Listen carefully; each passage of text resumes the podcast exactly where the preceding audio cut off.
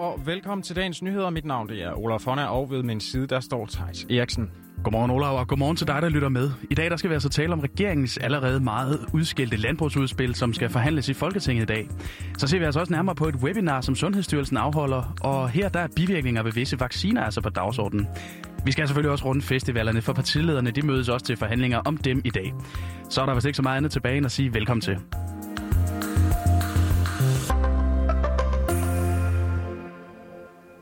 Men først så skal vi altså et smut ind i Folketinget, for det er altså i dag, at partierne de mødes for at debattere landbrugets fremtidige klimabidrag. Og det tegner sig altså til at blive nogle særdeles svære forhandlinger, for regeringsudspil, ja, det har nemlig fra start været i kras modvind. For lige at opsummere det her udspil, som altså blev præsenteret onsdag, så lægger regeringen altså op til, at landbruget skal reducere sin CO2-udledning med 7,1 millioner ton i 2030. Reduktionen den skal komme fra tre hovedområder, og dem forklarer minister for Fødevare, Landbrug og Fiskeri Rasmus Prehn sådan her. Vi har de kendte elementer, blandt andet det med lavbund, hvor at vi øh, er i stand til at reducere med 1,6 millioner tons. Så har vi 0,5 millioner tons ved allerede eksisterende indsatser.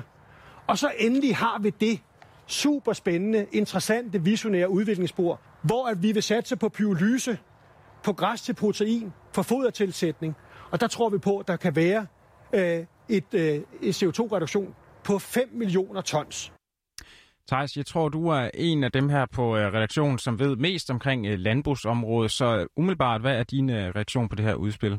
Jamen, først og fremmest så, så er det jo altid sympatisk, når man prøver at få, få nedbragt udledningen. Men Jeg undrer mig lidt over, at man ikke gør mere i de her lavbundsjord, som jo er den mest kosteffektive måde at få reduceret landbrugets udledning på. Og, og så tror jeg, jeg sammen med alle andre undrer mig lidt over, at man satser så meget på ikke på dels videreudvikling af eksisterende teknologier, men altså også på teknologi, man regner med kan komme frem, hvis man får investeret i det. Det virker, det virker noget hockeystavsagtigt, og den model har jo tidligere fået kritik. Mm. Og det er også også det, den gør nu, og Klimarådet og flere andre, de er så også ude og kritisere. Men jeg tænker lige, inden vi runder det, så skal vi altså også høre fra en af dem, som det rent faktisk handler om. Søren Anker Sjølænder, han er landmand, og han er lige nu ved at videreuddanne sig som leder inden for sit øh, fag. Og han fortæller altså, at klima og bæredygtighed, det er nogle af de emner, som der bliver talt rigtig meget om på øh, skolen, men også generelt blandt de danske landmænd. Det er jo et af de punkter, der er sådan generelt indbyrdes i landbruget. der er et kæmpe stort fokus på lige pt. Der er rigtig mange landmænd, der ligger om til metoder, hvor de skal bruge mindre dieselolie og sådan noget på at dyrke deres jord. Så der er et kæmpe fokus på det internt også, at vi skal reducere, og vi skal passe på vores jord, og vi skal have grønne marker generelt øh, hele året, så vi kan optage så meget CO2 som muligt og putte ind i jorden. Ja, og derfor så er han altså også ret spændt på at se, om der kommer til at ske nogle sådan store ændringer på vejen mod et mere bæredygtigt dansk landbrug. Men i selve det her udspil fra regeringen, der ser Søren, øh, Søren altså også en hel del udfordringer. Som det er lagt op lige nu, så er det øh, landbruget selv, der skal betale for, at vi skal have den CO2-reduktion. Og det synes jeg er lidt tavligt. Det er jo vores produktionsapparat, det er noget, vi tjener penge på. Så synes jeg ikke, at det skal være rigtigt, at vi skal betale for at regulere i det. Ja, det er blandt andet den del af udspillet, som handler om at inddrage landbrugs øh, lavbundsjord. Og for lige at forklare, hvad det her er for en slags, så er det altså naturlige vådområder, som kort fortalt binder rigtig meget kulstof i jorden. Og dermed så sparer det altså også atmosfæren for en masse drivhusgas. Men CO2 den bliver altså udledt, så snart landmændene de dyrker den her jord. Og det er altså også det, der er hele humlen i sagen med de her lavbundsjord. Derfor så skal landmændene give afkald på den her jord, som i stedet skal omlægges til fri natur, så CO2 ikke slipper ud. Landbruget havde set frem til at blive kommenteret for at afgive den her jord, de altså ikke kan få lov til at dyrke, men sådan ser det altså ikke ud til at blive. Og det er altså ret kritisabelt, mener Søren Anker Sjølander. Jeg synes jo ikke, at det skal koste noget for den enkelte landmand, at han leverer en gulerod til samfundet. Ja, så Thijs, for en landmand, der er det altså særlig økonomien, måske ikke så overraskende, som er hovedfokus i det her klimaudspil. For støttepartierne, der drejer kritikken sig i høj grad omkring den her udviklingsdel. 5 ud af de 7,1 ton øh, CO2-ekvivalenter, som man regner med at kunne spare, de bliver nemlig fundet i øh, fremtidig teknologi, og det er altså noget, som støttepartierne de kalder for ønsketænkning. Og så mener de jo også generelt, at udspillet ikke er ambitiøst nok. Så har vi de blå partier, Venstre og DF, de er især bange for, at udspillet her det kan føre til, at mennesker mister deres job i landbruget. Og det er faktisk også i strid med klimaloven, så det er i den grad nogle svære forhandlinger, der er lagt op til. Ja, det er det, og det er jo øh, det, er jo det der er med især med landbrugsområdet her, landbruget og klimaet, ikke? fordi det har jo været meget svingende rammevilkår, de har haft de sidste mange år. Dels på grund af skiftende regeringer, men også på grund af skiftende ministre og også skiftende ministerier. Ja, og man kan i hvert fald øh, konkludere, at det bliver omkring nu, at klimaloven den skal stå sin prøve, fordi det er det, som, som spiller partierne nu. Og så skal vi altså fra landbrug og klima, klimasnak til corona- og vaccinesnak, fordi i dag der afholder Sundhedsstyrelsen altså et internationalt videnskabeligt webinar. Og her der skal læger og forskere altså dele deres viden og overvejelser om de her sjældne bivirkninger, som vi altså har set ved AstraZeneca-vaccinen og så vaccinen fra Johnson Johnson. Det lyder da som en øh, fremragende idé, når vi nu er så, så spændt på, hvad der sker med de vacciner, der er. Altså, vidensdeling er jo aldrig en, øh, en dårlig idé, og blodpropperne de er jo også indtil videre blevet kaldt sjældne bivirkninger, men nu har de her bivirkninger så faktisk også fået et navn. De går under betegnelsen VIT-syndromet, og kan du gætte, hvad det står for? Jeg mindes, uh, Sundhedsstyrelsens direktør Søren Brostrøm, han uh, har fortalt noget om det. Jeg tror noget med et af tierne, det er nok noget trombolysis eller et eller andet. Ja, øh, engelsk. Og, og det er sådan noget, noget med sådan noget, og det er altså en svær en, og, og for at jeg så heller ikke lige skal til at falde over øh, udtalelsen af de her ord, så lad os da lige høre, hvad Anne Mette Vass, øh, hvad, hvad vidt det står for. Det er jo en forkortelse for vaccineinduceret immun trombotisk trombocytopeni, hvor, hvor ordene betyder, at det er noget, altså det er vaccinen, der har gjort det, og trombotisk er så blodpropper, og trombocytopeni er så lav blodpladetal. Så det er ligesom ordene, vi, vi har forkortet til at beskrive, give et, et samlet ord for det syndrom. Ja, og Anna Mette Vass, hun er en af talerne på dagens webinar, og du får ikke mig til at sige det der ord igen, Olav. um, og Anna Mette Vass, hun er altså både professor på Aarhus Universitet, så er hun øh, overlæge på Aarhus Universitetshospital, og så har hun altså også forsket i blodpropper og blødninger de sidste 15 år. Og hun er altså også en del af den ekspertgruppe, som så blandt andet har vejledet Sundhedsstyrelsen i forhold til, hvad man så skulle stille op med AstraZeneca-vaccinen og VIT-syndromet. Og min kollega Laura Broen, hun tog altså i går aftes en snak med hende om, hvad vi kan vente os af webinaret. Og direktør i Sundhedsstyrelsen Søren Brostrøm, han vil altså blandt andet fortælle om hele forløbet med AstraZeneca-vaccinen. Men der kommer altså også til at være en del internationale eksperter på talerstolen. Så kommer der også nogle, øh, det er en tysk forsker, han hedder Andreas Greinacher, og han er en stor, altså simpelthen en ledende øh, forsker og ekspert inden for øh, et syndrom, der ligner det her hvidt. Så han kommer og fortæller, hvordan er det, har det været i Tyskland? Kommer der også en, øh, en engelsk øh, forsker, Beverly Hunt hedder hun, som kommer fra London, som er professor i øh, blodprop og blødning, behandling af det, som deltager i paneldiskussionerne og dermed kan byde ind jamen, hvordan ser det ud i England? Det har der jo været rigtig meget snak om, fordi de var jo meget langt med AstraZeneca først, fordi den jo også er udviklet i England. Øh, så der får vi også mulighed for at spørge ind til, hvordan ser det ud der?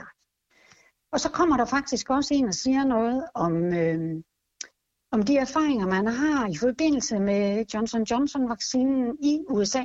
Så det bliver jo rigtig spændende at høre, hvad vil de sige om, øh, hvorfor valgte de at gøre, som de gjorde? Hvad tænker de nu? Og med de her data, som I så kommer til at fremlægge i morgen, kommer det til at give os ny viden i forhold til vaccineudrulningen herhjemme? Det kan jeg ikke sige, faktisk. Øh, fordi at der, der kan man sige, i forhold til det spørgsmål, er det jo mest Johnson Johnson, der er, er på øh, Øh, på tapetet lige nu i forhold til den diskussion. Og i morgen, der kommer vi til at høre nogle overvejelser omkring de her adenovirusvektorvacciner, hvor Johnson Johnson er en, og så kommer til at høre, hvad, hvad kan de fortælle fra USA. Men, men øh, jeg tror ikke, at der vil være direkte link derfra, og så til, hvad gør vi så? Okay, Ja, det, det er et pænt travlt program i dag, og, og det bliver da formentlig også ret spændende at følge med i. Også især i forhold til, hvad der så kommer til at ske med Johnson Johnson-vaccinen. Jeg vil sige, at øh, jeg, jeg er ret spændt på, hvad Sundhedsstyrelsen de når frem, og de danske sundhedsmyndigheder de når frem til i forhold til den vaccine, når nu vi har bestilt så mange. Ja, det, det, det, det er en rimelig stor andel af vores vaccineprogram, vi har bestilt. Og Anne Mette Vass, hun fortæller altså, at uh, Sundhedsstyrelsen de lige nu afventer data fra USA. Og de skal altså blandt andet bruges til at vurdere, om den her vaccine for Johnson Johnson, den skal tages i brug herhjemme. Og vaccinen, det er jo, som vi også lige var inde på, den vi har bestilt allerflest af her i Danmark. Så vi må altså følge med i dag, og så se, om vi bliver klogere. Webinaret, det var altså fra 13 til 16.20. Og vaccinerne, det er jo noget, som kan få ret stor betydning for øh, festivalsæsonen, og den skal partilederne så vende i dag. De mødes nemlig til forhandlinger omkring årets øh, festivaler og andre store begivenheder med udgangspunkt i den rapport, som ekspertgruppen for store arrangementer, de altså afleverede sidste uge. Ja, og i, og i den rapport, der står der jo, hvordan større forsamlinger de skal afholdes forsvarligt, og den er ligesom delt op i to faser. For i første fase, der bør der ifølge ekspertgruppen højst være 2.000 deltagere, og så skal de så deles op i sektioner af maks 200 personer i hver. Og så i fase 2, der må der så være 5.000 deltagere, der skal deles op i sektioner af 500 personer hver. Og senere, ja, der må der altså så være 10.000 deltagere, der skal deles op i sektioner med 2.000 personer i hver. Og så skal det jo også siges, at, at ekspertgruppen de faktisk overhovedet ikke anbefaler, at man kan overnatte på festivaler.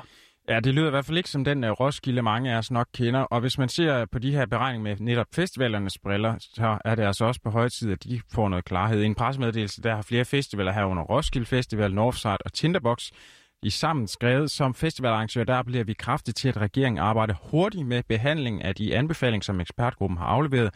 For vi kan ikke se andet, end at der fortsat vil være restriktioner gældende størstedelen af sommeren, som betyder, at vi ikke kan afholde vores festivaler. Ja, det kan godt være, at festivalarrangørerne de ønsker et svar, men selvom partilederne de så mødes i dag, så skal vi altså ikke forvente, at der kommer noget konkret ud af forhandlingerne. For GAFA, de har så talt med Justitsministeriets presserådgivning, og de siger, der er indkaldt til forhandlinger, men det er jo ikke sikkert, at man når frem til noget. Om det er forhandlinger, der nødvendigvis munder ud i noget, det er altså ikke til at sige nu. Ja, det lyder som øh, klassisk øh, politik, men i hvert fald oven på den melding, så må man da sige, at ingen i hvert fald kan vide sig sikker på, om der kommer noget nyt frem i dag. Og til sidst, så er det jo traditionen tro avisforsiderne, vi skal forbi, og jeg har så taget et kig på politik i dagens anledning, og de skriver om coronaudbruddet, der haver i Indien. For efter måneder med stort set ingen corona, ja, så registrerer Indien altså nu de hidtil højeste smittetal for noget land i verden. I går blev der for eksempel registreret lige knap 360.000 nye smittetilfælde. Og smitten spreder sig altså særlig hurtigt i landets hovedstad New Delhi lige nu. Her der tester mere end hver tredje positiv for covid-19, det skriver New York Times. Ja, det går nok vildt. Og fra den her meget alvorlige situation, så tilbage til lidt mere roligt i Danmark. På Information, der kan man altså læse om klimaet. Ikke så overraskende. Avisen skriver nemlig om det her såkaldte klimaborgerting, som i dag fremlægger intet mindre end 117 forslag til, hvordan regeringen altså kan lykkes med det her klimamål på 70% reduktion i 2030. Borgertinget det er en del af den såkaldte klimalov. Det består altså af tilfældigt udvalgte borgere, og det er altså nu, de kommer med deres anbefalinger til Folketinget og regeringen. Og ifølge informationen, så siger 95 procent af borgertinget blandt andet, at der skal indføres en afgift på CO2, ligesom Klimarådet altså også anbefaler. Ja, der er borgertinget jo ikke alene med at anbefale det, og med det der nåede vi altså til vejs inden for den her udgave af Dagens Nyheder. Udsendelsen var tilrettelagt af Laura Brun og Henriette Kamp. Din værter, det var mig, Thijs Eriksen og Olaf Fonager, og vi siger tak, fordi du lyttede med.